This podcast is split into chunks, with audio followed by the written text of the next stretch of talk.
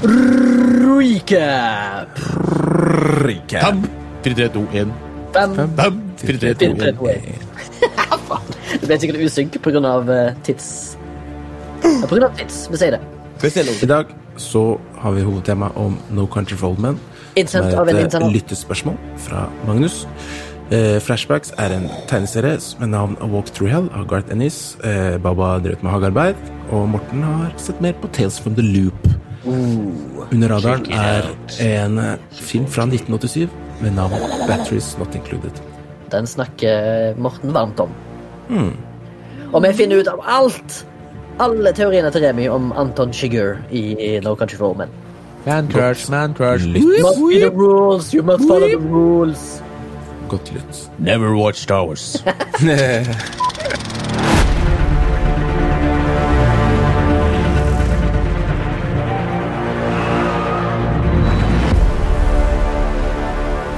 var, jeg var og rydda ut av en bolig hos en gammel mann. Classic. Eh, og så fikk jeg denne her av han.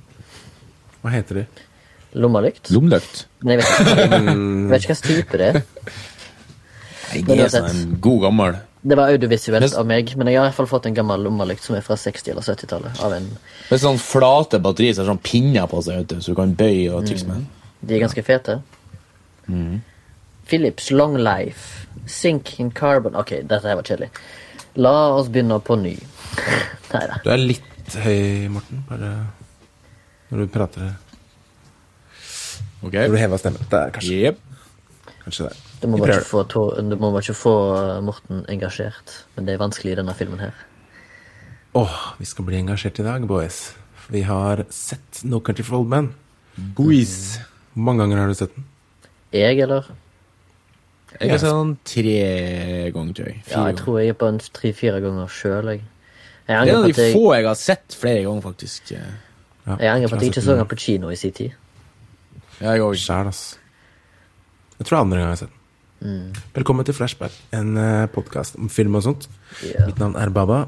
Jeg har fått meg en ny mic, som du kanskje hører, og sitter ute på Holmlia. Wow. Jeg heter Remi, jeg er fra Haugesund, bor i Oslo. Interessert i film. Så bra. ASL.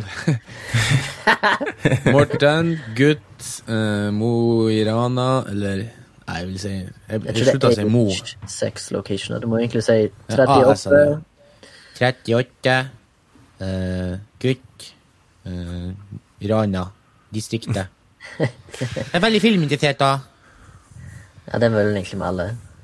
Men eh, som jeg, eh, når jeg satt og så på i går på uh, bencha litt, så har jeg kommet fram til det at jeg, jeg faktisk jeg, jeg liker nesten ikke sånn vanlig film lenger. Høres jævla sånn her nerd ut, men eh, jeg, blir så, jeg blir så glad når jeg får sånn, får se noe som jeg kan liksom tolke. Jeg, Hva- to, jeg prøver å tolke alt. Hva mener du da? Hvis du kan forklare til meg hva er vanlig film, og hva er en film som du kan tolke? Ja, altså jeg, Det er det som er liksom at det blir jævlig sånn flåsete, sånn som jeg, sånne folk som jeg ikke likte før. kan du si, sånn, sånn, å, så sofistikert filmserie. Men uh, nå er det sånn at liksom, de vanlige film for meg er liksom sånn som for eksempel Marvel. Da. Jeg, det kan godt hende at de har litt tolkning inni det, liksom, sånn. men liksom når jeg ser film som, som forteller en ting visuelt og på seg audielt, også, men har liksom mellom linjene noe dypere mening, da. det er liksom det jeg har funnet ut at jeg liker nå. Det er liksom, jeg klarer nesten ikke å se noe annet enn det. Nei, men det, men det kan godt hende at det er en sånn periode nå jeg er inni, men uh, Men jeg er enig med han uh, Scorsese som sier det at sånn Marvel og Disney sånt er mer sånn fornøyelsespark. Team Park Ride, da. ja. Du skal liksom bare nyte det. Ikke tenke så mye. Det er popkornfilm. Men jeg eh, tror ikke du skal føle at du er snobbete eh, av å like litt mer uh, vellagt film. Da. Da, mener, da mener jeg en film som får deg til å tenke. Fordi jeg tror egentlig vi alltid søker etter inn, Altså, vi søker jo etter mønster hele tida. Ubevisst. ja er altså, som og sagt, i Marvel-filmer så kan det være dårlig med, med, med den type stimuli, da. ja. Eh, selv Mm. om det finnes mange bra Marvel-filmer som har substans, men de aller fleste har jo egentlig ikke det. Ja, men som jeg sa, Det kan være en periode jeg er i nå, så kan det være at man, når man blir eldre, kanskje man forandrer verdiene. Man får jo hele tida justering og sånt i livet. jeg vet ikke. Ja. Eneste sånn superheltfilm med substans from top of my head er jo, syns jeg, The Dark Knight Og Joker. og Joker. Det er liksom de som Ja. føles som det handler om noe mer, da. enn bare det Jeg syns Logan òg ga meg litt mer. Ja, Logan, Logan, herregud. Det må vi snakke om snart. Og Ja. den første der med han der eh, Roach, Roachjack og han der blå Watchman. Watchmen syns jeg faktisk var litt kul. ja, men jeg tror egentlig òg Jeg følte jeg hadde litt å, Eller jeg hadde litt å gå på når jeg så den første Iron Man-filmen òg, for da hadde liksom det der Ja. eh, utviklingen Faktisk. til Tony Stark og det der man versus machine-aktige greiene. Mm. Teknologi Mennesker mot teknologi, da.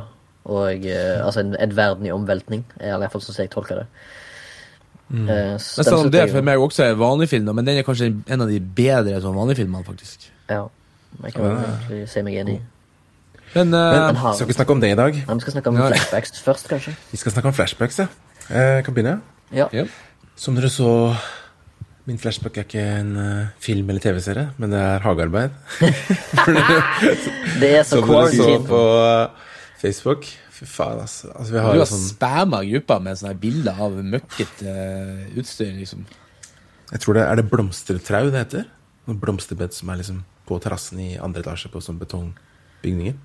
Blokker. Nei, jeg har ikke det på. Nei, Men det er i hvert fall Jeg vet ikke hvor den er eh, Jo, den er faktisk 12 meter lang, cirka. Og 30 cm dyp, var det ikke jeg fant ut av? Ja. Noe sånt. Og fylt opp med jord og stein, da.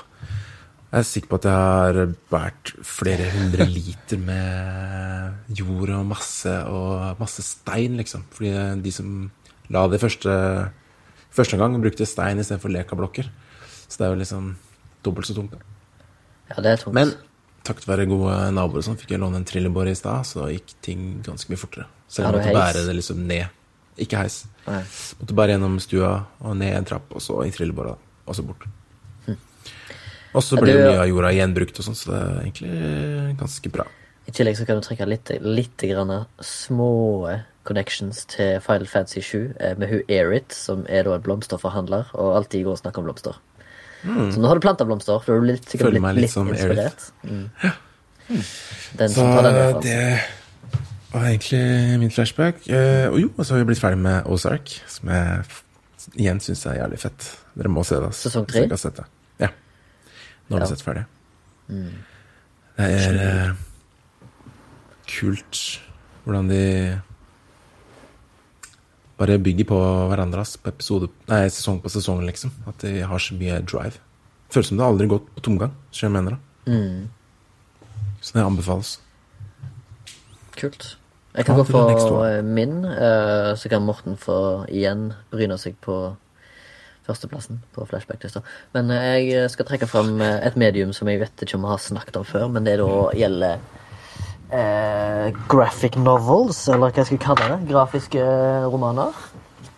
Jeg har uh, vært og handla inn en ny en av uh, skribent eh, Garth Ennis, som heter A Walk Through Hell. Som jeg har kjøpt uh, to volum av. Uh, Garth Ennis er jo kjent for uh, Lost Nei, ikke Lost Boys, men uh, The Boys, tegneserien som òg ble om til TV-serie på Amazon i fjor. Og så har han jo stått bak en del enkeltstående serier som Crossed, og så har han jo Preacher, hvis jeg ikke tar helt feil. Iallfall en anerkjent skribent av tegneserier. Han har òg lagd noe vanlige, sånn Batman og litt sånn Marvel og DC-greier òg. Men spekk. Ja, det tror jeg. Og så lager han egne ting. da. Men A Walk Through Hell er altså da en tegneserie om to FBI-agenter som rett og slett blir kalt ut for å gjennomsøke la en lagerbygning. Og så finner de ut at uh, den lagerbygningen er uh, et, et merkelig sted. Og så er fortellerteknikken sånn at uh, du begynner i nåtid, og så går du litt tilbake i tid når de prøver å finne ut hva i helvete de er blitt med på. Eh, de klarer ikke helt å blande hva som er virkelighet og sånn. Det er veldig interessant. Eh, den har ikke fått sånn superbra kritikk, men det tror jeg er fordi at folk syns eh, det, er jo ikke, det er jo ikke DC, liksom, så er det noe. Eller Marvel. Hvor lang er den her, da? Nei, jeg kan også ha Jeg har to bøker nå, eh, som er på ca. fem-seks kapitler hver.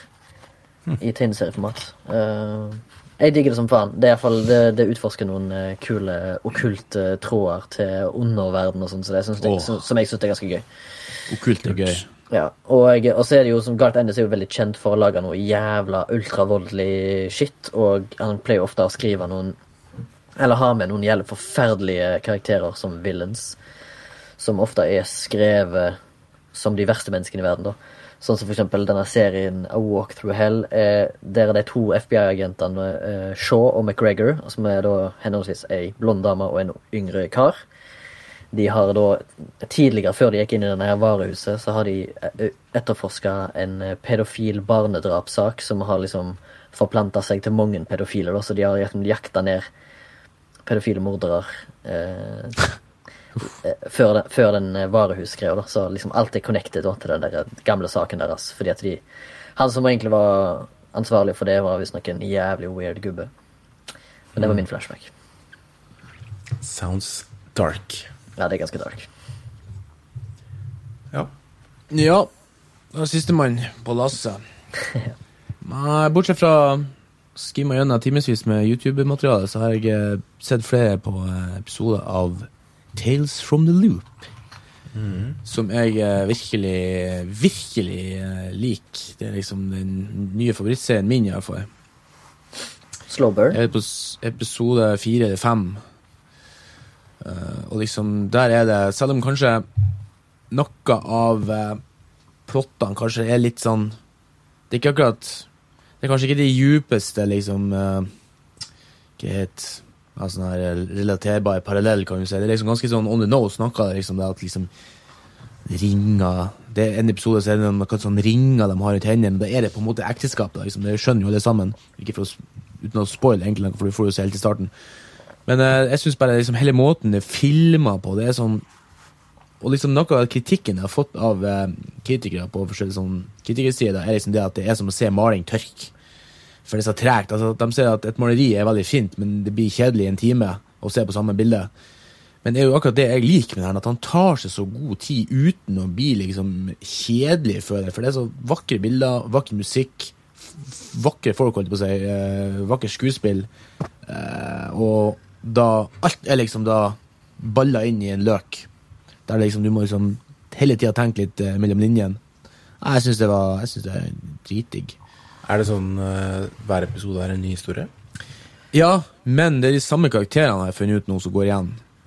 Så liksom eh, I den ene episoden episoden så skjer det noe med noen, og så i neste episode så er det om de andre i samme familien, faktisk. Og så tenker du sånn Når du ser han ene familiemedlemmet fra forrige episode, tenker du sånn Ja, men han er jo Å, herregud, det er jo Og så blir, det, så blir det bare mer og mer og mer entangled, kan du si, da. Eh, og så ser jeg det at siste episoden som hun Hun ifra Hun Helen Hunt, det var het. Som har regissert Nei, ikke Helen Hunt. Jodie Foster. Ja, i hvert fall, du eh, Jodie Foster? Jodie Foster, jeg mener. De ligner. Ja, men de ligner! Det er sant, de ligner. Gjengen uh, fungerer på den måten. Den har liksom høyest score. Altså, den- nå gleder jeg meg. Så nå jeg, jeg, fikk, jeg hadde lyst til å benche hele driten i går kveld, men jeg måtte jo se leksefilmen da til i dag, så jeg fikk ikke er det leksefilm? Det er jo en god film. Så nå Ja, ja, men, du og titter.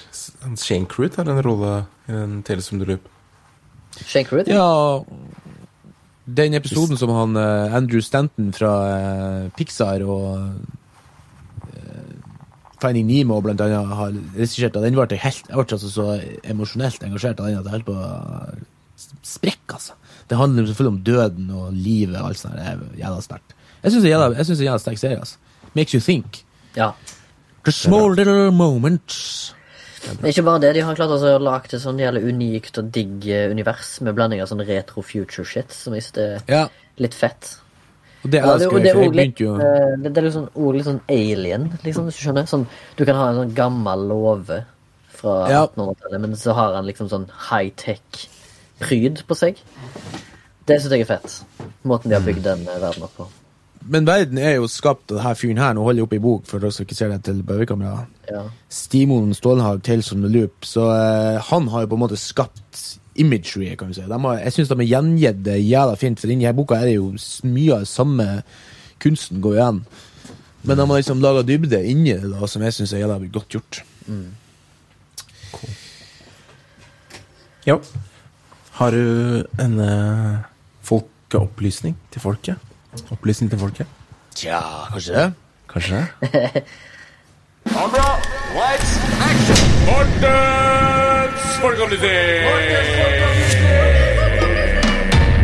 Jeg har en, bare en liten en denne gangen om uh, en ting som jeg interesserte meg for når jeg liksom begynte å se på film. da liksom uh, Spesialeffekter, sånn, som sånn, sånn som på Star Wars, de første.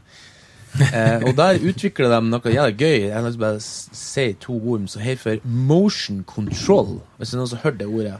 Og lurer på liksom, hvordan de får liksom sånn her eller mye av de effektene, eksempel når det er flere folk i rommet som er kloner, sånn, mens kameraet rører seg, da, så er det det ILM, da, Industrial Light and Magic, som var det spesialeffektfirmaet som han eh,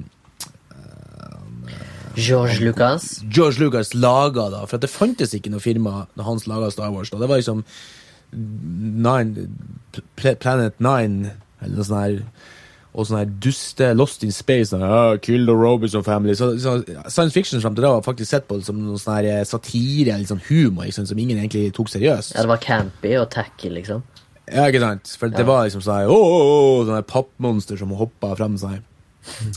Og basically det motion control er da, er at du, er at du animerer kamerariggen, sånn at liksom med datamaskinen, da, så du kan kjøre samme kamerabevegelsene uta, altså tusenvis av ganger liksom akkurat likedan. For det du kan gjøre da, du kan filme Første passen så filmer du bare romskipet som henger der. Andre passen så filmer du liksom at du eh, Laserlys og sånne her eh, eksplosjoner. Eh, tredje passen så filmer du bare røyk, for eksempel. Fjerde passen så har du stjerne. Og så setter du det etterpå, da, compose det etterpå i software eller på, faktisk på klippebordet, og legger de på lag på lag på lag, sånn at liksom du Du legger de sammen. Ja, Du slipper å gjøre alt samtidig, kan du si, for det er så, det er så umulig. For da blir det sånn her eh, Belly-effekt som du kan gjøre hjemme med fyrverkeri. ikke sant? Det ser ikke proft ut. Samtidig med at vi har flere kloner som går rundt sånn, så, i samme rommet samtidig. Og, og det må ikke forveksles med det som heter motion tracking, som er noe du gjør i ettertid nå i dag, med dagens teknologi i softwaren. Så har du en liten filmsnutt, og så får du softwaren til å analysere filmsnutten, sånn at du får et punkt inni der så du kan legge til et, et 3D-objekt, sånn at 3D-objektet ser ut som det står fast i bildet. Jeg så faktisk litt av det på Corridor Crew, når de snakka om Ringenes herre. Hvordan de på en måte løste det med at Gandalf var så mye større enn Bilbo. Nei, Frodo. Ja. Eller at tenker at de var små, da. Så Jeg skulle akkurat spørre, jeg skulle akkurat spørre om, de, om det brukes fortsatt. Nå er jo Ja. Ringens herre fra 1990-tallet og to, tidlig 2000, men eh, brukes det enda, vet du det? I på Hobbiten, tenker på, eller på de Å ja, du, du som ble tenker på at det var Hob Hobbiten? De brukte motion... Nei, det er originale Ringenes herre. Det var da de gjorde det. Ja. Ja, altså, motion tracking og, og motion control bruk det, det er jo det som brukes i dag. Men det er interessant de gjorde i, i Ringenes herre, som ikke brukes så mye, det er force perspective. Ja. Som er sånn at uh, de, de lager et bord, og så halve bordet er svært, og den andre halvdelen er liten. Som var henholdsvis Gandalf og Bilbo. Men så vridde han det på en sånn måte og satte dem ifra hverandre og hadde maks blenderåpning, så at du fikk fokus i hele rommet. Sånn at liksom det så ut som bordet gikk liksom Litt sånn synsbra som du kan se inne på liksom, Teknisk museum eller sånne, her, eh, sånne rom at liksom, du går inn i et rom. Så er rommet skrått, men på bildet så ser det ut som det er rett. De bruker veldig mye sånn in the frame, altså i bildet bildeteknikker på Ingen selger for å spare penger, da, som er helt Det er liksom sånn tryllekunstnere som tenker ut det, faktisk. ja det, det er jo det er magi. Det er liksom tryllekunst. Samme på eh, eh, Harrison Nei, eh, han som Run Run, Forrest, Forest Gump! eh, så, var det, så ledde de inn en tryllekunstner faktisk til å fjerne føttene på han, eh, han militærkompisen som mistet føttene i Vietnam. liksom. Så når han kommer inn til med rullestolen, så, så er det faktisk in the shot eh, spesialeffekter. De har liksom føttene bak ned i rullestolen, og så er det sånn speil og sånn dritt sånn som eh, magikere bruker for å skjule ting. Og Samme på Alien òg, så har setter han bare et, et speil med en viss grader i enden av en korridor. ikke sant? Så ser det ut som korridoren er dritlang. Men så er han egentlig bare 10 meter, så blir han plutselig 20 meter. ikke sant? Og så fjerner de kameraet etterpå, da. Nei, vi kommer ikke der, for du- vinkler det rett, så, så ser du ikke kameraet. liksom. Så det var en liten dropp innom der. så Hvis folk er frista, så kan vi kanskje gå inn mer der. Men... Ja, ja. ja. Interessant. interessant. Nei, men dere, skal vi hoppe inn i dagens tema, da? Ja, vi skal ja. ikke heller forklare bakgrunnen for hvorfor vi valgte det? For vi har jo, Jo. tross alt fått et lytterspørsmål. Uh, Baba, hvis du har det for deg, kan du, kanskje du Ta det. Eh, Siden du er mannen med stemmen. skal jeg lese opp The Sexy mailen Voice. her? Ja. Så, Jeg trenger ikke ta hele, men vi kan jo ta akkurat det vi skal snakke om i dag, kanskje. Det var ganske lang, men uh, iallfall Det kommer mange tips, i hvert fall. Det var gøy. Ja, Ja, det var veldig gøy. Og det er to av de jeg er veldig interessert i, som jeg kan ta. Hvis du tar den siste delen, så tror vi kanskje jeg kan uh, nevne Det er altså en mail fra en trofast lytter. Kan vi nevne fornavn? Magnus. Ja, Ja, ja, da. ja, ja, ja. Med navn Magnus. Eh, hvor han har gitt oss mange tips til filmer han ønsker at vi skal analysere. da. Og så tok, har vi tatt for oss den ene i dag, som da er No Country for Old Men fra 2007. Den er skrevet og regissert av Ethan og Joel Cohen. Ganske kjente brødre radarpar. Og så er han basert på en bok av Cormac McCarthy, som også er kjent for annet The Road. Korrekt, korrekt. Eh, og Magnus eh, skriver altså Hvem er pivotal character? som overskrift. Og det har vi snakket om. Vi kommer sikkert til å prate om det i dag også. Eh, så sier han videre med analysen av Castaway on the Moon i bakhodet. Det er en episode vi gjorde for noen episoder tilbake. Hvor dere fant ut underveis i analysen om hvem som er den egentlige pivotal character. Eh, hvem er den egentlige pivotal characteren i No Country for Old Men?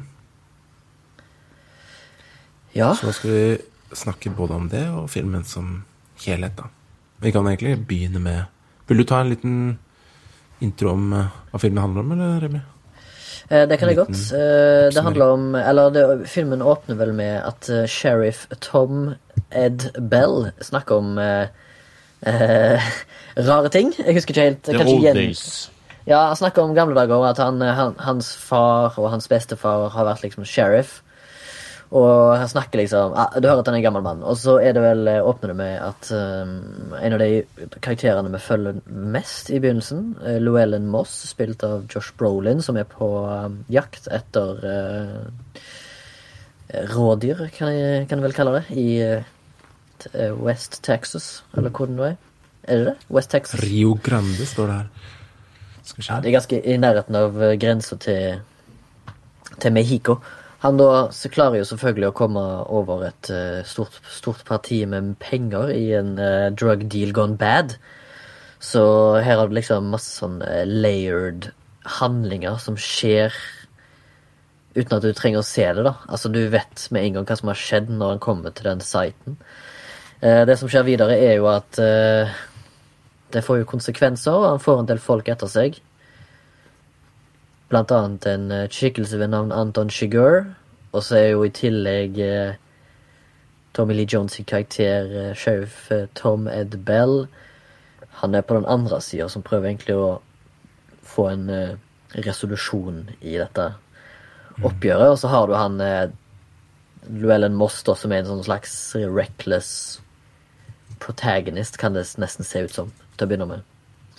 Eh, men det viser seg at eh, filmen er jo litt ukonvensjonell i handlingen, da. Men eh, strengt tatt så er det det som er handlingen i filmen. Og det er jo det om Llewellyn klarer å komme seg unna med de pengene, eller om, om, denne her eh, mystiske skikkelsen av Anton Shigur klarer å ta han igjen, eller om det er da Sheriff Bell som klarer det.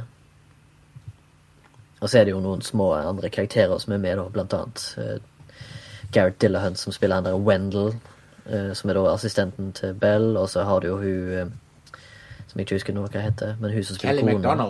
Ja, hun som spiller kona til Llewellyn, og så har du andre Woody skikkelser. Woody Harrelson som spiller en bounty hunter, som òg blir hyrt inn til å hente de pengene, da, for eh, det visstnok viser seg at det er en, eh, enten en stor corporation eller en businessmann som har eh, investert penger i den narkohandelen, kan du si. Eh, Det, akkurat det der har jeg har en liten pek, peking på senere. For at uh, Fikk dere med dere hva han eh, Woody Harrelson eller han Cars Wells egentlig Hva han var for noe? ja, Nei. han er en bounty, hunter. Ja, men hva han, hva han har jobba med?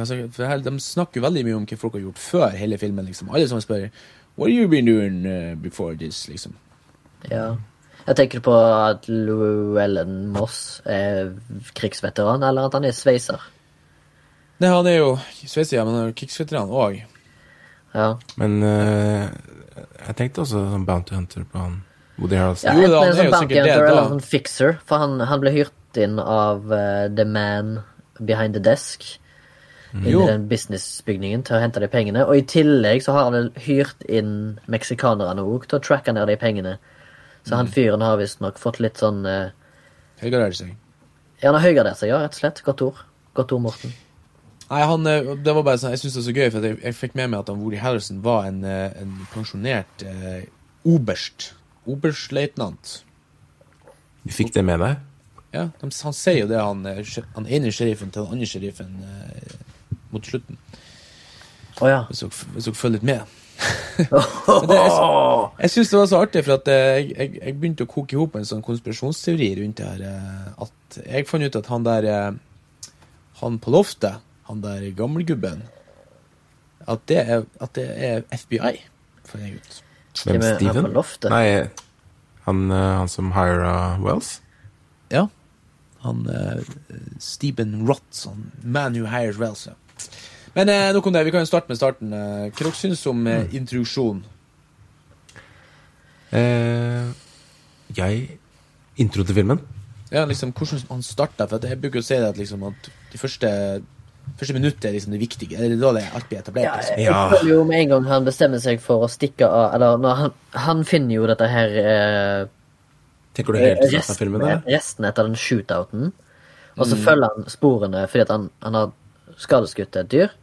Følger sporene, kommer til dette, denne plassen, og så ser han 'Where's the ultimo Ombre?' the last man.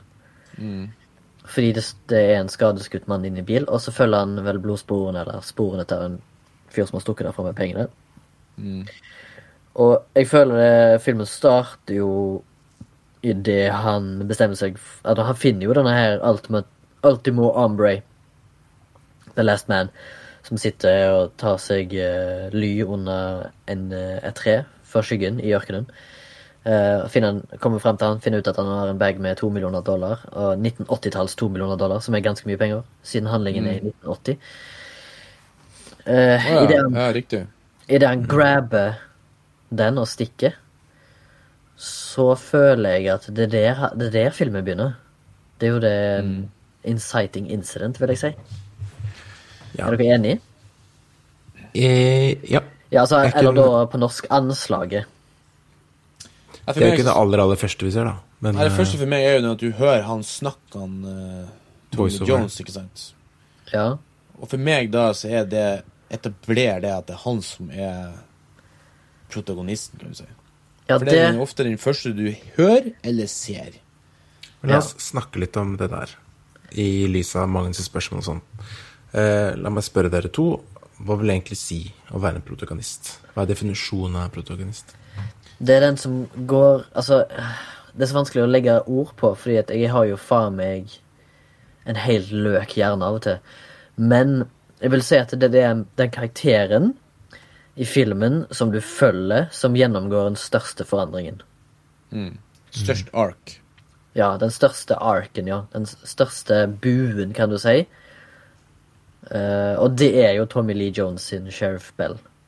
Ja. Det er jeg helt enig i. Uh, selv om han er nesten en av de folkene som har minst screentime av alle hovedrollene, kan du si. Ja. Det er det som er, du snakka om i starten, at det er det som er spesielt med denne filmen, og det syns jeg er så jævla kult at Coen-brødrene viser tydelig at når du mester noe, når du er mester i et eller annet, altså en måte å, å fortelle noe, så, så kan du begynne å leke med reglene uten at du bryter med konvensjonene, kan du si. Du forteller fortsatt historier fra A til B på helt vanlig måte, men du når du vet akkurat åssen du skal gjøre ting, så er det, det, det, det, det er som kunst å se på, egentlig. Ja. Og er liksom litt kult om den filmen er ikke kult, men eh, jeg leste, eller jeg så en, eh, en eh, Hva heter det? Film eller video. Nei, video-essay heter det vel på YouTube, når folk har en liten sånn leksjon om en film. Og så så jeg en liten leksjon om uh, There Will Be Blood, som filma i samme område samtidig som denne filmen. Og begge prøvde å skjule det for hverandre. som jeg syns er litt gøy. Eh, by the. Der har liksom da to, som jeg vil si, eksperter på filmmediet, som leker med mediet i en ny film samtidig. Og leke med hverandre òg, på en måte. Ja, de gjør det fordi at uh, production crew på No Country for Old Men de kjøpte blant annet ut et helt motell i nærheten for å hindre at production company til The Will Be Blood skulle få hotellplasser på samme motell, sånn at de ikke klarte å ødelegge location de hadde klart å funne. da. Og det er jo en jævla god, bra ting, fordi Roger Deakins er jo på foto i denne filmen. Og han har jo brukt landskapet her helt fabelaktig, liksom, med, med, Ja. med sin genistrek. Han har jo Faen, det visste jeg ikke at det var han. det er jo så fantastiske åpningsbilder, i alle fall, og de ørkenbildene og ja, lyssettingen eh, og bruken av magic hour og alt. Men litt tilbake til det til starten, liksom. Ja, la meg fortelle Ja. sorry. Ja, det gjør det. Jeg, For jeg måtte Jeg drev og dypdykka litt i det pivotal character og protagonist og sånt. Og så fant jeg to kule artikler, da. Og så ble jeg liksom Jeg blir alltid usikker på ting når jeg går gjennom ting på nytt om og om igjen. Eh, Så fant jeg en artikkel her om liksom hva en protagonist er, da. Og ordet er et gresk ord eh, som kommer fra protagonistisk. Det er proto liksom betyr første. Så ofte den første karakteren vi ser, da. Liksom det er den main character.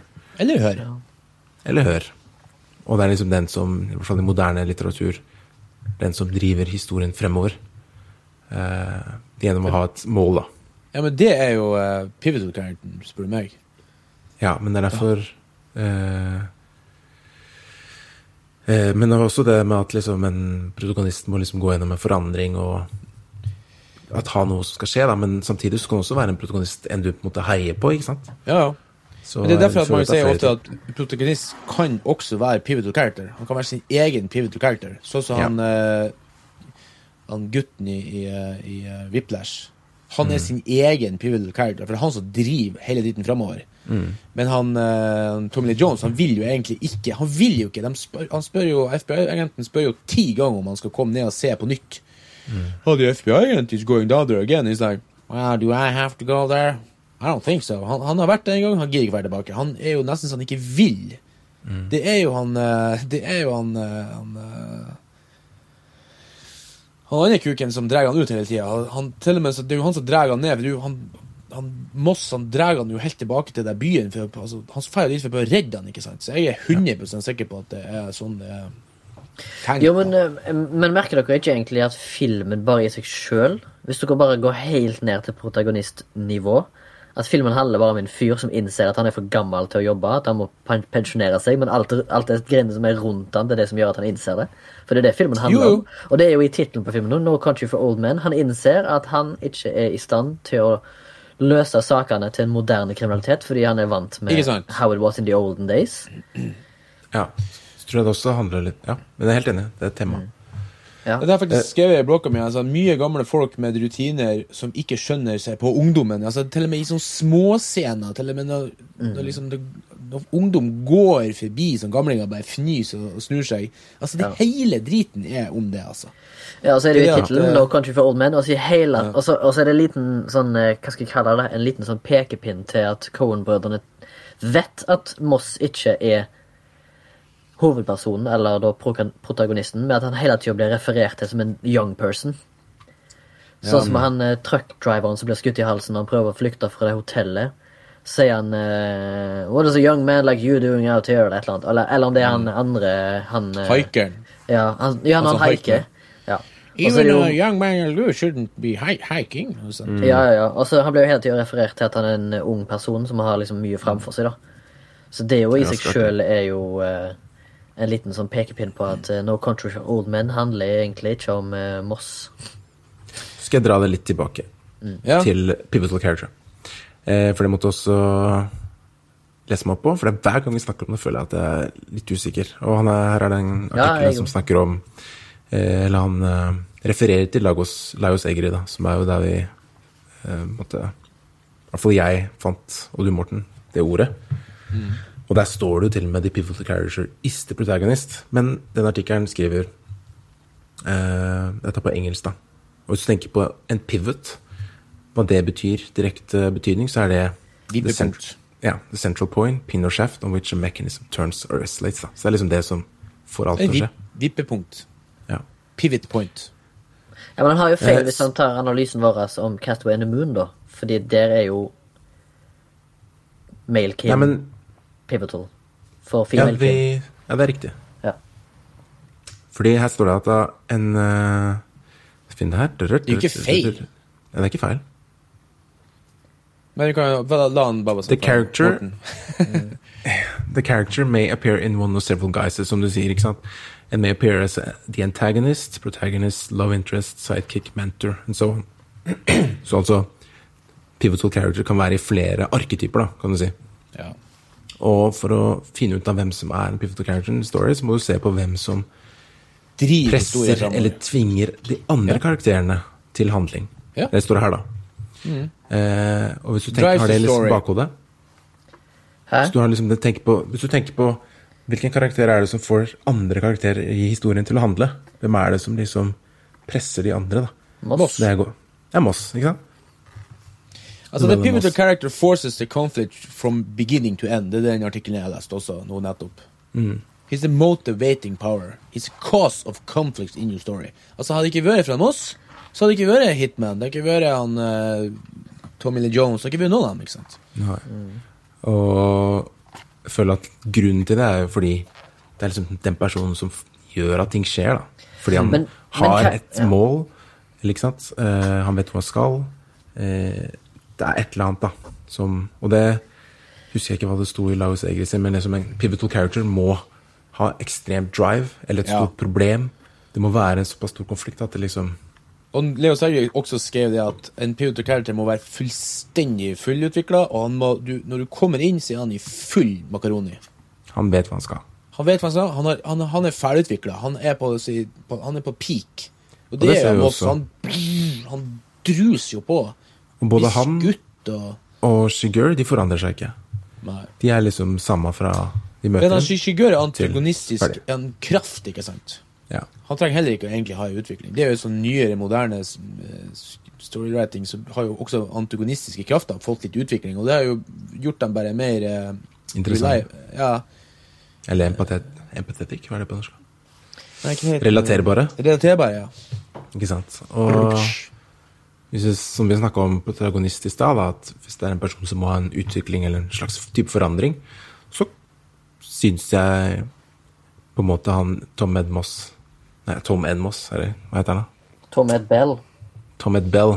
Han forandrer seg jo, han slutter faktisk. Ja, ja. Han starter jo som sheriff, og så slutter han som pensjonist. da. Så han er liksom Av de tre, da, i denne Man versus Man-historien, så er det jo han som har størst utvikling. Men det betyr at ikke han er pivotal character. Men jeg føler at han er mer protagonisten. da. Han vil liksom følge Eller vi følger alle, men det er liksom han som har en utvikling, da. Men uh, i den forstand så heier vi jo uansett på Moss. Ja, ja. Og det er det som er så an. kult gjort, tenker jeg. Eh, For at jeg, jeg, jeg så på klokka når han, uh, Tommy Lee Jones kom inn. Det var 29 minutter. Første gang vi så han. Blank er første gang vi ser han. Tenk sånn, Men vi hører den fra starten. Ja, ja. Helt i starten, ja. Og det er interessant. Jeg har lyst til å gå helt tilbake til starten. Jeg bare gjorde med notatet. Jeg vet ikke om dere eh, vi har tid til det, men Ja, ja. jo da. Eh, for det, det som er så gøy, at de etablerer jo faen meg premisset sitt for filmen i de første minuttene. Og det, det, det, det jeg bruker å si, at hvis det er en god film, så klarer du å tolke det der i starten. ikke sant? For det første så ser du, hører du han liksom komme med den jævla fete monologen, så han er jævla kul på Han har en kul stemme og kul dialekt og alt det der. Og snakke om at eh, det var bedre før, ikke sant? Eller det var i hvert fall mer normalt før. Det er det du har kjennskap til, da. Men det er litt kult, på slutten, for da er det jo han der fyren i rullestolen han sier at det var ikke så mye bedre før. ikke sant? Det var at du skjøt indianerne og sånn. Men det er en digresjon, da. Eh, men da får vi se han eh, Moss som sitter. Først så ser du sånn tørre landskap. ikke sant? Sånn, du ser at her liksom, du får en følelse av at ok, her hadde det vært, her, har det nok sikkert vært bedre før. Hvis du skjønner hva jeg liksom, Det er tørt, og det er liksom ørken og bla, bla, bla. Der, der hadde det vært grønt før. Det er bare sånt, det første bildet. da. Men så får du se Moss. Da sitter han i, på jakt og, og, og sikt på et dyr, ikke sant.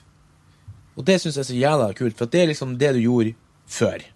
Da jakta du på mat. Det var sånn du overlevde, ikke sant? Du jakta mat, spiste, overlevde. Og så i den scenen så, så vinkles det over til Neste gang han sikter, så sikter han liksom på en fyr med penger. Så i den scenen, før den scenen er ferdig, så har de vinkla det fra det som var de gamle dager, med jakt på mat for å overleve, til jakt på penger i den scenen. ikke sant? Det går nesten søvnløst over til det at han bruker sine gamle kunnskaper til å, på nye hunting grounds, kan vi si. da. For han bruker liksom tracking for å finne det dyret, og så til slutt så bruker han tracking for å finne penger. Ikke sant? Ikke jævla kult? Jo, det er det, det setter på nesen, liksom, det at i dag så er det penger vi jakter på. Uh, og det, det er jo ikke det man overlever, egentlig. Liksom. Du kan ikke, du, altså Et brød koster ikke 1000 kroner, bruker å si. Det koster liksom man hours. Det er liksom det, og kunnskap. Om du var mangemillionær og ikke kunne lage brød, så har du fortsatt dødd attmed meldungen, kan du si. Ja. Så, så det syns jeg var jævla kult uh, gjort av dem, da. Å etablere det helt i starten. Jeg har ikke sett det på den måten. Det er kult. Kult. Men uh, det, det som skjer etter at Llewellyn Moss har fått uh, tak i pengene, er at han uh, springer rett hjem til kona si i trailerparken, og det Der setter du litt grann, eh, i billedlig forklart at han er en, er en kar som kanskje ikke har så mye penger fra før av. Working class. Han er vel, veldig working class, De fattig. jakter bestandig på penger, liksom. Ja. Og så er han i tillegg veldig kyndig med våpen, og det kommer jo fram i mange samtaler at han er en eks- han er et- en eksmilitær. Han er veteran fra Vietnamkrigen, som har vært der two tours, som han sier sjøl. Så han har jo sup superpeiling på guns, og så er han veldig sånn um, uh, Han er en sånn enkel person, men han er også veldig sånn pragmatisk. Sånn som for eksempel når kona spør uh, har du har fått, uh, hvor, When did you get a gun? Og så sier han. Now. Og så «Yeah, How? I found it. Altså Han snakker sant hele tida. Og så når han kommer inn med den kofferten Hva du har i kofferten? Jeg har masse penger. Så sa hun ja, that, that will be the day. Så han, liksom, han sier hele tida sannheten. da. Han lyver nesten aldri. Og det la jeg merke til i hele filmen. Han lyver aldri. Når han, blir, når han er på meksikanske grenser Nå hopper jeg litt. Når han er på meksikanske grenser og spør hva faen han uh, hvorfor det kommer en fyr eh, uten klær, så sier han 'jeg har jakka på meg'. Altså han, han sier alltid sannheten, da. Og prøver liksom alltid å gjøre. Han er veldig sånn Han er veldig seg selv, ja. Ja. Så Så han han er jo også, veldig flashed out. Ja, han har det, for han våkner jo opp midt på natten, natta, og så sier han Han sier bare All right. right', og så skjønner vi liksom OK. Og så ser du han fyller på eh, gallon med vann for å gå tilbake til han eh, vannfyren. Og da, og da skjønte du det uten at han tenkte å si det. Da skjønte du ikke hva han skulle gjøre. Ja. Fy faen, det var en jævla fin eh, setup og, og Payoff. catharsis på en payoff på en liten sånn Altså, filmen er mesterklasse ass, i hvordan du forteller historier med bilder. For det er, det er så mange scener uten dialog. Og la merke til at nesten hele filmen er uten musikk. Jeg tror ikke det er Ja, ett musikkspor. Det er ett musikkspor det er når uh, Chigger er på den bensinstasjonen med han uh, Ja, fyren det er det kanskje det eh, eneste. Men den er veldig, veldig lav, og det er dritlite sånn contentum. Men er ikke det sjukt? Jeg, jeg har sett den en gang før, og jeg var så jævlig på tuppa og spenning i noen av scenene, liksom. Og det er null musikk! Det er bare fantastisk eh, foto, regi, skuespill, manus, historie, produksjonsdesign. Fuck, ass. Det er Det samme den her eh, Den her eh, er han Ethan Hawke, for noe? Den her eh, re, re, Ja, den du snakker om. First Reformed. First Reformed, ja, den er også helt uten musikk. Og så er det en horrorfilm også, som er uten musikk, som heter A Werewolf in Paris, tror jeg det. Det, altså, det, var en av de, det var en horrorfilm som liksom er praised eh, Ja, jeg har hørt om. for å ikke bruke musikk. Tenk deg, da. Men jeg elsker, elsker, jeg elsker lyddesign. Jeg Bare høre liksom det som er der, da. For det, musikk skal jo liksom løfte det opp. Men jeg blir så irritert når det tar over, da, hvis du skjønner. Eller prøver å presse meg til en eller annen form for eh, glede eller tristhet eller et eller annet. Ja, for jeg setup og payoff det ser vi jo også flere ganger. Han sier at han er liker jo ikke å få blod på skoene og klærne. Han, eh, nei. Så han kommer ut fra huset til kona, så sjekker han bare skoen. Og da skjønner vi at han har liksom blæst av. da. Ja, det er så jævlig sett- bra storytelling. Men det er fordi vi har sett gang på gang at han er veldig Ja, ja. neat, da. Ja, han eh, om- sokkene. Ja, ja. Altså, alt kommer liksom i tre, hvis du skjønner. Han eh, Mm. han tar knekken på noen meksikanere på et motell, så tar han av seg sokkene etter han har vært gjennom rommet. Mm. Fordi han ikke har lyst til å få sølt blod, og, og lager heller ikke lyd. Og så når han skyter Woody Harrelson i den stolen på hotellrommet hans, så tar han skoene sine opp på senga idet han ser blodet komme flytende. Og, så, og så sjekker Og han. når han kveler han eh, deputyen helt i starten av filmen, så vrir han hodet bort så han ikke får blodspruten på seg. Ja. Men uh, vet du, det er faktisk artig du sier det, for at jeg har akkurat skrevet dialog i et sånt manus jeg sitter og jobber nå, sånn her at Tre. Alt kommer i tre. Det er tre av alt, ja, de tar oss. Altså, det er liksom treenighet, trehelligheter. Så det er liksom, tre er liksom et så magisk tall, faktisk. Eh, men jeg har gjort, eh, som Morten, så har jeg òg gjort hjemmelekser. Fordi det som skjer i historien videre nå, det er at en eh, karakter vi har snakket om mye, ble introdusert. Altså Anton Chigurh, som da er spilt av Javier Bardem. Og det som jeg syns er litt gøy, to sitater som jeg fant på trivia på IMDb, det er at han, når han fikk tilbud om Når han fikk tilbud om rollen, så sa han til Cohen-brødrene altså I don't drive. Eh, I speak bad English and I hate violence. Og så hadde bare Cohen-brødrene high fiva hverandre og sagt uh, you're hired, liksom. Og han skjønte ikke helt hvorfor, men uh, de ville jo sikkert bare ha han med fordi han ikke kunne noen av de greiene. Da mener han Eller jeg vet, jeg vet, ikke, jeg vet ikke egentlig hva de Hva de ble så glad for å høre den At han Han var liksom motsatt av det Mye av det karakterene hans gjør, da. Ja. Eh, som jeg synes var gøy. I tillegg så sa han at uh, når han fikk på seg parykken, som er designa av en eller annen uh, Academy Award winner eh, i hair, hair and makeup, tror jeg det var. Han, eh, da hadde Cohen-brødrene sagt at de vil, de vil bare ha noe urovekkende. eh, og så når, når han fikk på seg parykken, så hadde Javier Bardem ganske eh, sagt, da, som er, som er veldig sånn eh, Hva heter det? Drit i det. Han hadde i hvert fall sagt I'm not gonna get laid for two months wearing this. Som jeg syns er gøy. Han hadde også lagt på seg litt, for det er ligger en hysterisk gøy unofficial documentary about uh, the making of uh, No Country for Men på YouTube, som, han, som er filma og klippa og regissert av han, uh, han uh, Moss, uh, han uh, Josh Brolin. Josh Brolin, som er hysterisk artig. Og det er sånn her De prater bare drit om Cornbjørn. De er psykopater, de er elendige.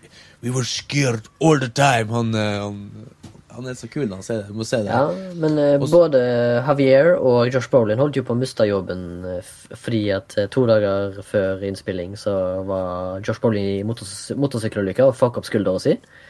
Og Javier Bardem var redd for at han ikke fikk rollen fordi han var så dårlig i engelsk. Men ja, fortsett. Jo, ja, men bare det man ser liksom sånn at I, want to, I don't want to talk about this on camera. Og så han filmer han i sånn silhuett med sånn her øh, så forvrengt stemme, men du ser jo nesa hans. Han er jo så gjenkjennelig, liksom. Så, Yeah. They were They told me that I was doing great, and they was laughing at me. Og så, nei, det var litt sånn internhumor, men det må også. Gøy. Fy faen. Uh, Ida, apropos parykk, hun syntes jo han var så ekkel.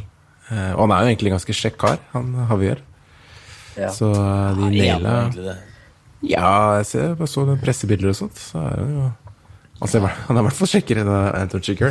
ja. Jo, jo, Men. Anthony, Anthony Chigger er jo en bleik, ekkel fyr som eh, har en utrolig Altså sånn forferdelig utstråling, og jeg, jeg Første gang jeg så han da, sånn rundt de tidene han kom ut, så husker jeg at jeg eh, Jeg syntes han var så jævlig eh, marerittaktig, da, han karen der. Altså, liksom, det, er- det er en av de mest intense karakterene, eller antagonistene jeg vet om, liksom. Men han er jo bygd han er jo bare, men han- er jo bare bygd på en erketype, som er da The Unstoppable Evil. Og han er, han er jo basically det, fordi at han har så store evner til å drepe folk. Både rent teknisk og mentalt. Fordi han har, for det første, han har ingen hemninger. Han viser ingen mercy, han, og han har ingen følelser knytta til noen av drapene sine. Han dreper hvem som helst. Og han har nesten heller ikke noen Han viser heller nesten ikke følelser når han er såra. Altså, han blir skutt, men han, han har nesten ikke noe ansiktsmimikk. Han blir påkjørt, han har nesten ingen eh, ansiktsmimikk. Han er en helt sånn følelsesløs, kald person som er er nesten det- ustoppelig. Og han har, han har sånne leveregler som han lever etter, som er helt insane. Han har sånn arbeidsmoral, så det går an. Han er dødsskremmende nesten på alle plan. Ja. Men er ikke det litt sånn Føler ikke dere at det er litt sånn det de ønsker å si? For at i starten så snakker jo han, eh, han eh, Tommy Lee Jones-karakteren om at eh, den nye typen vold og sånn er så gro Altså det her, det her unge paret som fer rundt og, og dreper pensjonister og hever liksom eh, Nav-pengene, liksom. Føler ikke dere at liksom han eh, Javier er liksom på en måte definisjon på det nye som han ikke liker, liksom? Jeg snakker snakke litt om akkurat det. At, at de er bare, han er bare plass- han, Det er derfor at de kaller han bare The, the Shadow, The Ghost og sånn. Jeg, jeg tror egentlig ikke det er en fyr.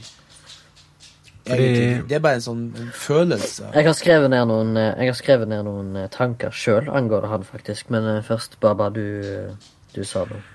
Ja, fordi jeg måtte bare se starten og slutten. For det er jo starter med hans monolog, og så slutter med hans monolog.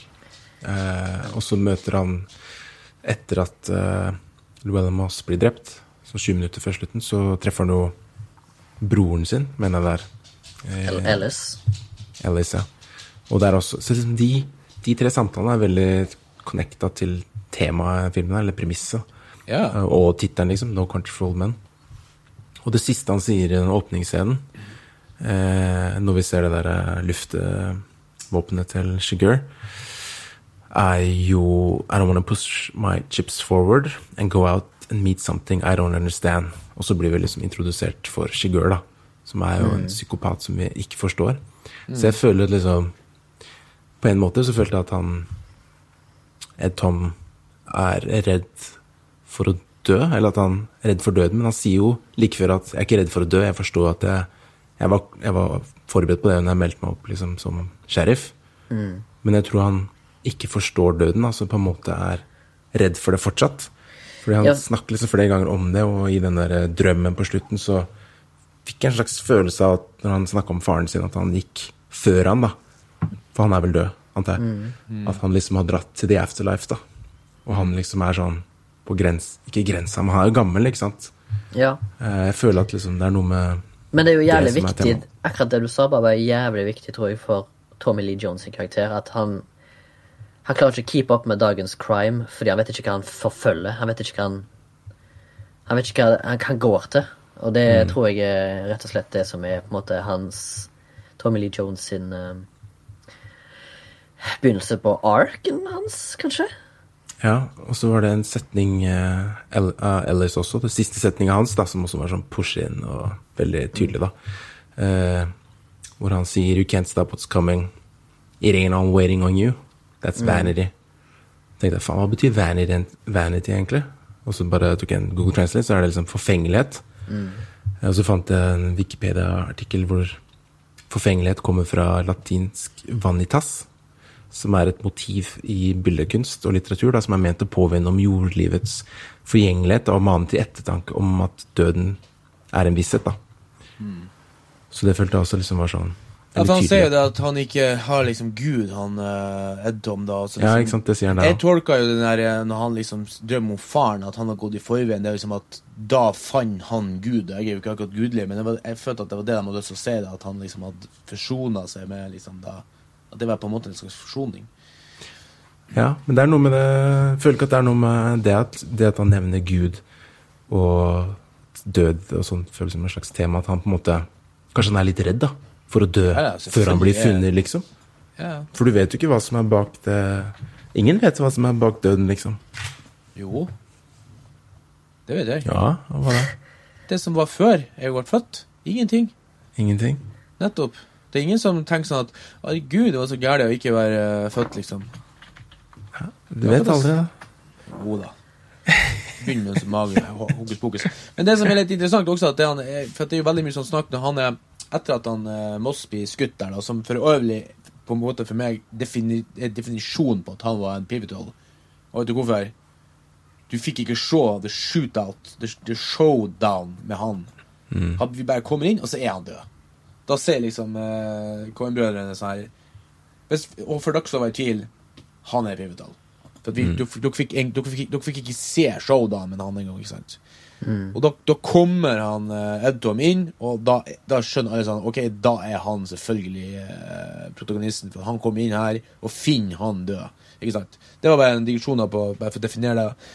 Men det som er da at han der, eh, han sheriffen der, da, liksom han eh, Han er veldig sånn ah, 'Det var så mye bedre før.' Og da sitter han, da sitter han eh, Og det er sånn, ja, ja, ja, ja, bare jatt litt med. Sånn. Jeg tror kanskje han òg da følt at han kan være litt sånn oldies McGoldies. For det er så kult, at da får han rett han Ellis, og da sier han Ellis det at det var ikke så mye bedre før. Liksom han eh, Deputyen til bestefaren din liksom, han ble skutt ned av noen indianere liksom, i dørstokken, og han bare sto og så på at han blødde i hjel. Så at, liksom, jeg tror kanskje det går opp for han òg, det, liksom, at det, det, det var kanskje ikke så mye bedre før, selv om selvfølgelig eh, Bare for så- sikkert, jeg, jeg tenkte sånn at de gjorde det Kolbjørn, så ikke de skulle bli uthengt som sånne her, eh, eh, romantikere. Ja, men det var jo sikkert ikke bedre før heller. Nei, nei, det er bare Det sånn er kanskje som sånn han, han føler, det, eller kanskje husker det. Men det er tryggere, for du har vært Ja. der. Og det, Ja, ja. du har liksom vokst opp med det. Og det er sånn kjenner jeg jo at jeg blir jo også litt sånn nervøs for sånn sparkesykler. Sånn, Feil, full fart forbi her. Det er liksom, for det er Ja, det ikke nye. sant. Det. Og så ser jeg 14-åringene. De er jo all in that shit. Snapchat og TikTok og Du føler liksom at du ikke henger med. da. Kanskje det er litt det der.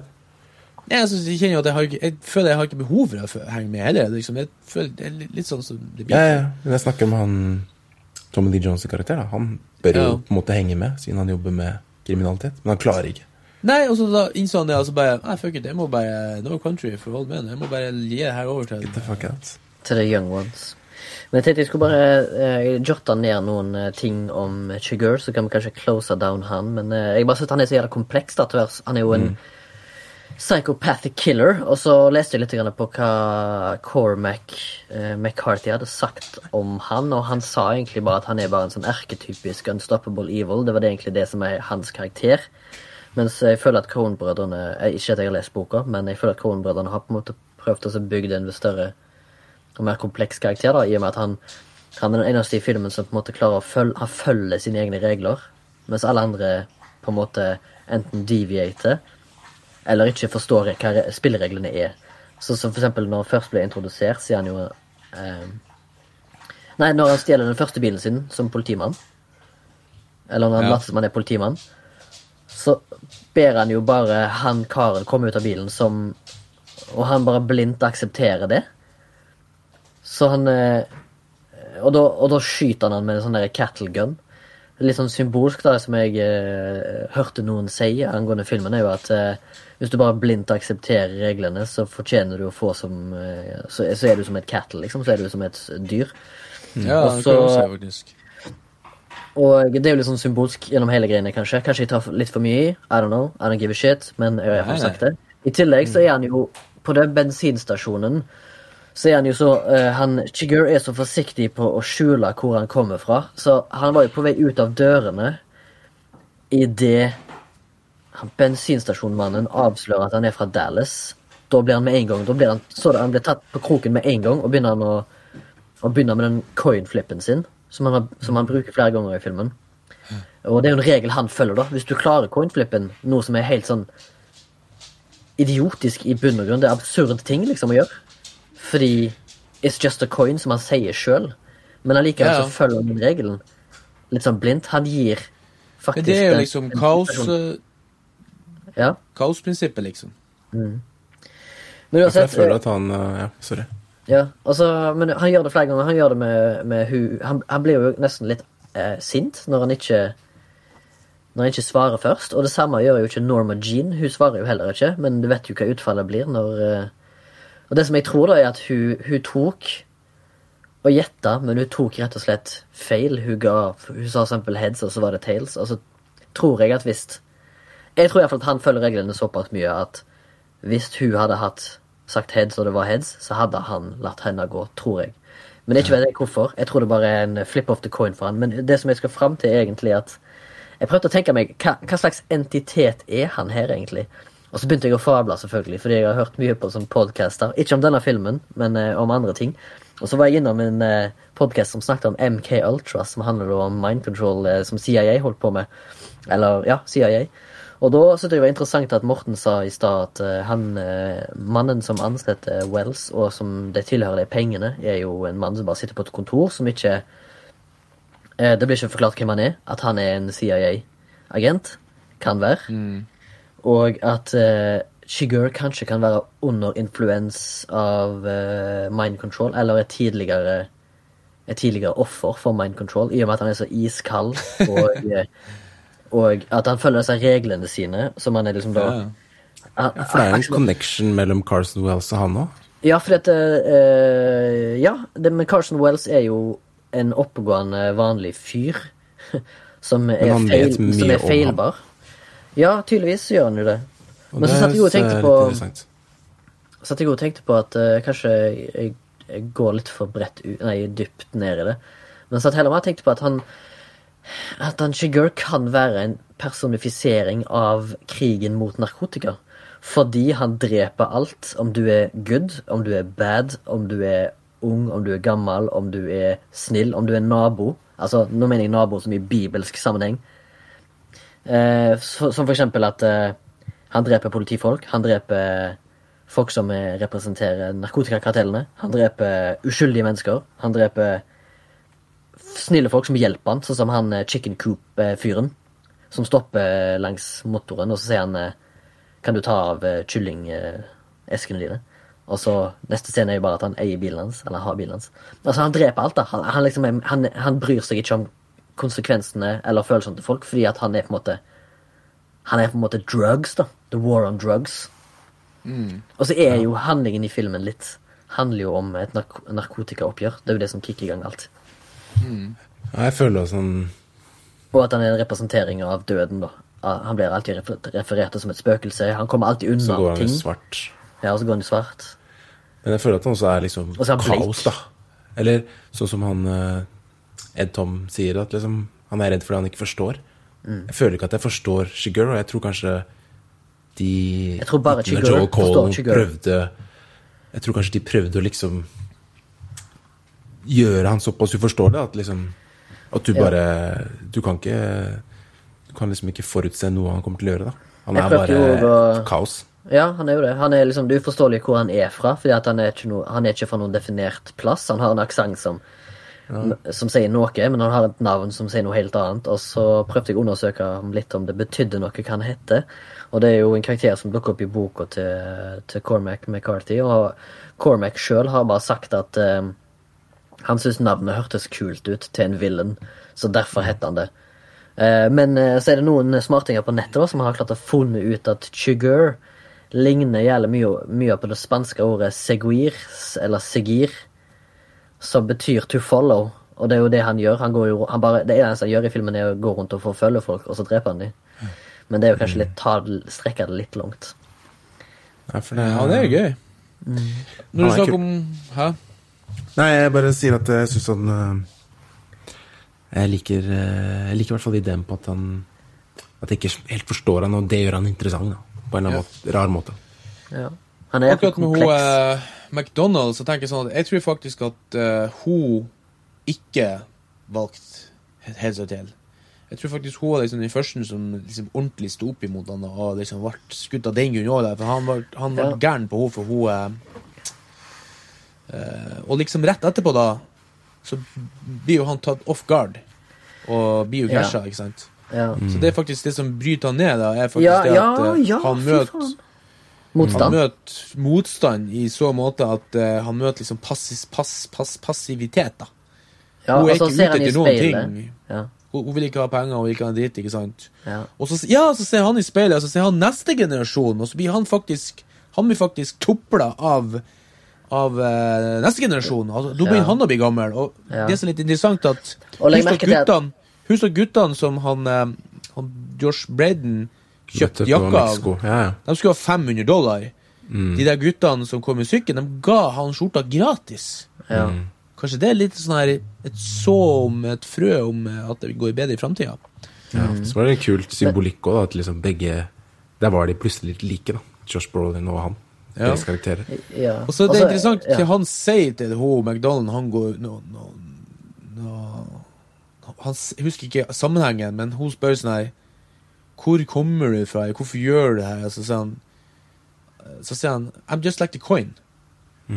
Ja. Og, og det er jævla kult, for det er liksom sånn Hvordan kom den coin dit? Mm. By pure fucking luck, ikke sant? Random. ja, men så, det, så det, det er jo tilfeldig at han er der hos henne nå. Det er jo litt det, faktisk. ja, Det er derfor jeg trekker inn det der med at han er war on drugs. Fordi at liksom, Hvem er det liksom som er ofrene for narkotika?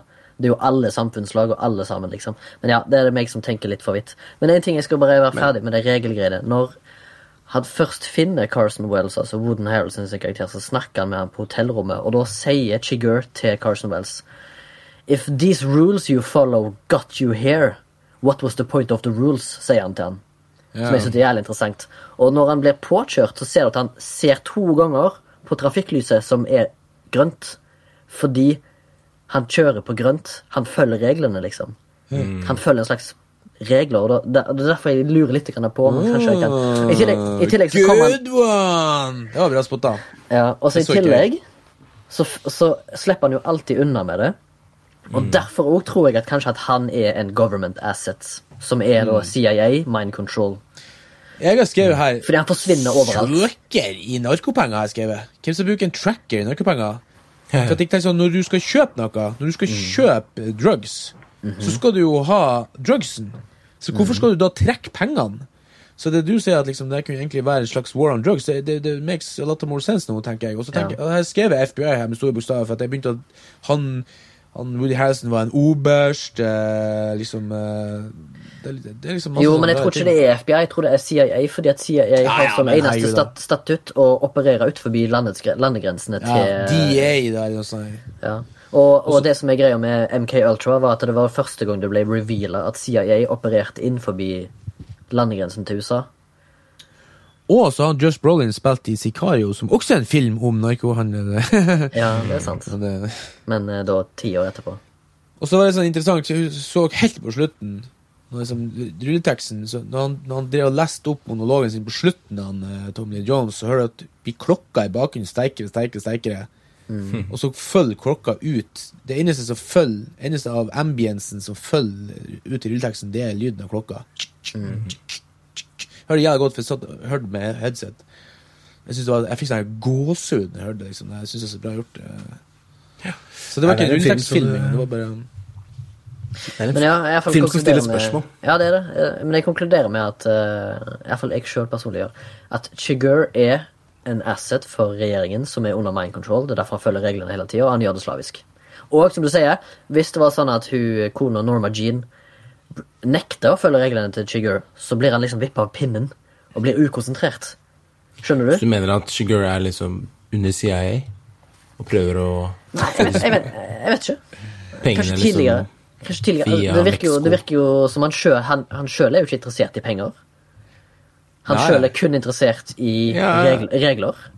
Ja, det er jo som han Carson Wall sier, og han snakker om han liksom at han Han han er er, en psychopathic psykopat. Du klarer ikke å forstå han, liksom. Du har kommet i veien for han på bare en Og det bagatell, så er dreper han deg, liksom.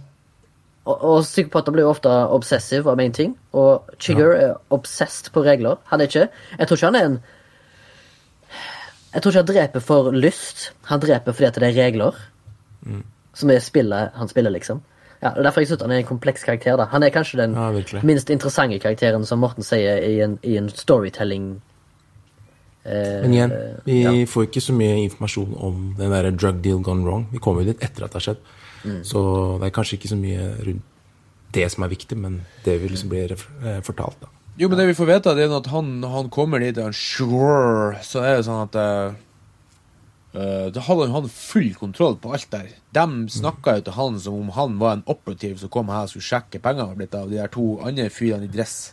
Mind control. Sånn, her, er, her er liksom uh, brikken. Ja, jeg sier han uh, Sicario, som i, i, Sicario, at han er bare en sånn fyr som har bestemt seg å mot idioter.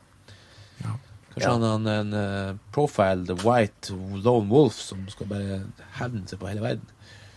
Jeg har eh, bare én ting før vi kanskje burde eh, runde av. Som jeg tenkte på når han eh, Ed Tom eh, møter eh, liket til eh, Moss. Ja. Så kommer han tilbake til crime scene senere, og da ser vi at Shigur er der inne. Og han ser at han har eh, puff, slått ut den der eh, låsen. ja. Han er jo ikke der inne. Jo, han er bak døra. Jo, altså, vi ser et liksom, vet ikke om det er der inne, men det er i hvert fall det det føles som. Vi får et bilde at han står og gjemmer seg. Ja, lys Jævlig ekkelt uh, bilde, faktisk. Det minner jo om Eksorsisten. Da føles det som ok, nå, kom, nå kommer han til å dø, han uh, eh, Tommy Lee Jones' karakter. da. Men ja, men- hvorfor? Ja. Jeg tror, du ikke, jeg tror du ikke det er fordi at Tommy Lee Jones følger reglene? Uh, jeg vet ikke om Hvorfor kommer han tilbake til crime scene, da? Hvorfor kommer Tommy Lee Jones tilbake til crime scene? Han skulle slå opp hendene der. Eh, Nei, jeg tror, jeg tror han kom tilbake for å se etter han Shigur, for det er en annen ting eh, Hvis dere legger merke til underveis i filmen, vært spesielt det der med melka. Han, Ja. han liksom repeterer han det Ja, han speiler han det han, han gjør, da. Han prøver liksom å forstå han. Han liksom sett, han prøver å sette seg Ja. han gjør det, og liksom komme inn i hans tankesett. Det er liksom det jeg får ut av, da. Ja, Så Prøv å forstå de som. Ja, han prøver å forstå han, liksom. Så er sånn jeg tenkte kanskje at grunnen til at han dro tilbake til crime ja. for å se om kom han dit. Og Ja, så ser han at den eh, døra er slått inn. Og så ser du jo at han Det er jo sånn lite Han ser inn i Du har sånn ekstremt nærbilde av den låsen. Så Mm. ser du et sånn eh, Jeg vet ikke om jeg prøvde å se det, men jeg skal kanskje sjekke det igjen. da Så ser det ut som du ser liksom silhuetten i det bitte lille speilbildet til Shigur på innsiden. Og så ser du motsatt, så ser du lyset fra Tommy Lee Jones, at Shigur liksom vet at han er der. Så du liksom begge fikk en følelse av at begge visste at de var der. Begge forstår Eller hadde følelse av det. Eh, men han lar henne gå, da. Han lar stikker av. Sannsynligvis Ja. hva. Han gjør det, og det er ganske interessant. Så ja, det er mange metaforer og tanker og ting rundt filmen, altså, egentlig. Mm.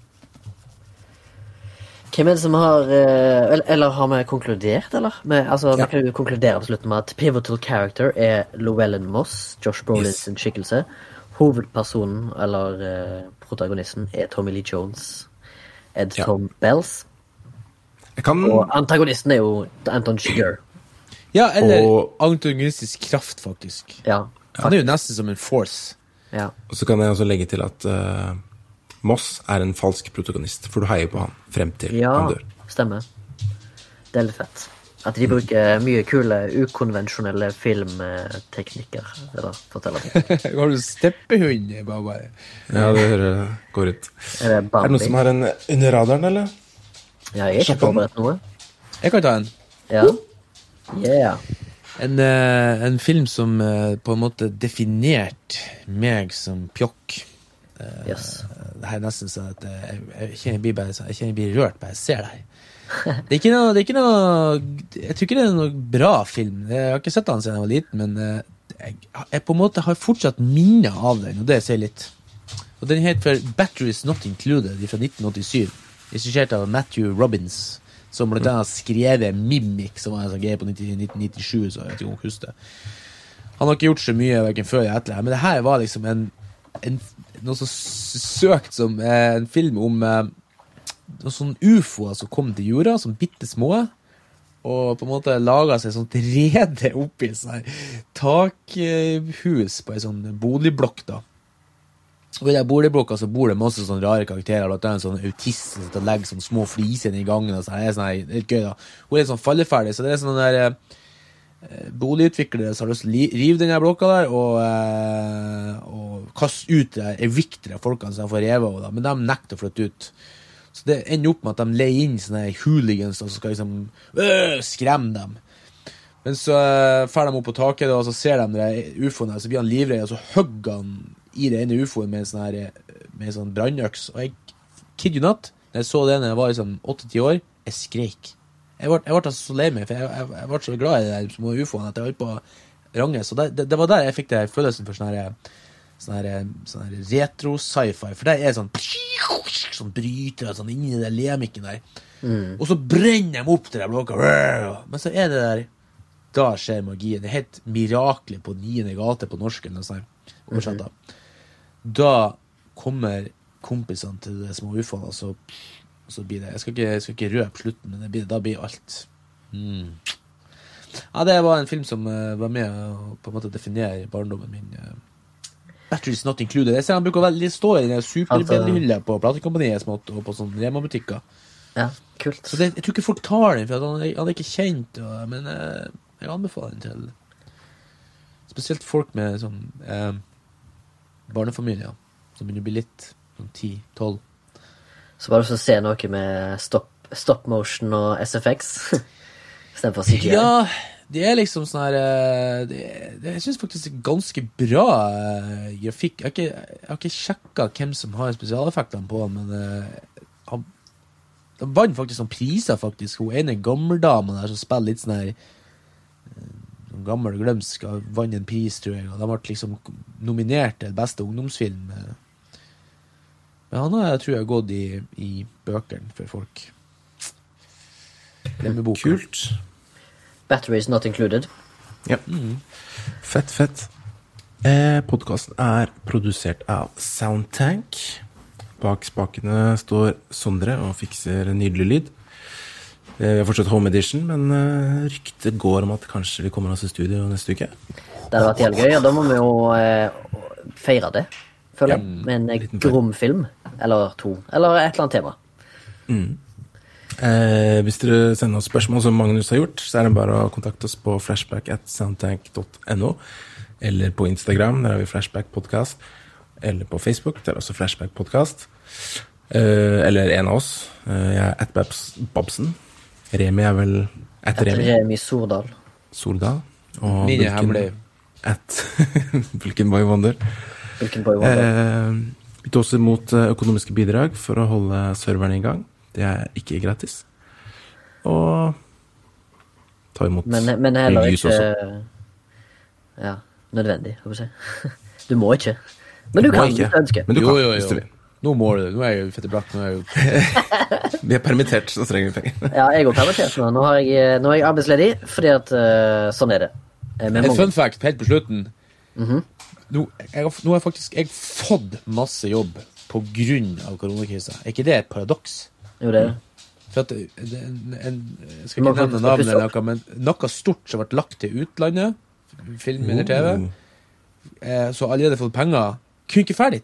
Så nå måtte han flytte tilbake til Norge. En stor greier. Kan ikke si noe, men eh, jeg har Ah, kult. jobb. Så det er faktisk litt pa- paradoksalt, ikke det? Jo, jo, jo. Det håper jeg skjer med mange produksjoner. Jeg. Og fordi at det akkurat det vi snakket om i forrige episode. De har fått midlene, vet du, men de, må, de kan ikke fære til Norske midler blir brukt i utlandet mot, mot eh, bytte mot utenlandsk arbeidskraft. Og det som er komisk, er at alle sammen blir glad, liksom. Ja. Så hvorfor kunne de ikke bare lagt den? liksom, Skuespillerne blir glad, regissøren blir glad, altså, Ja, ja. arteparten Eh, blir glad. Familien til cast og crew blir glad, for de slipper å reise til utlandet i to måneder. Jeg- Men jeg vet hvem som blir lei seg. Det er dem som tar avkastning. Nei, ja, det var Sorry. Ja, ja, på neste episode, da. Da skal vi feire tilbake i studio. Takk for i dag. Hei. Hei.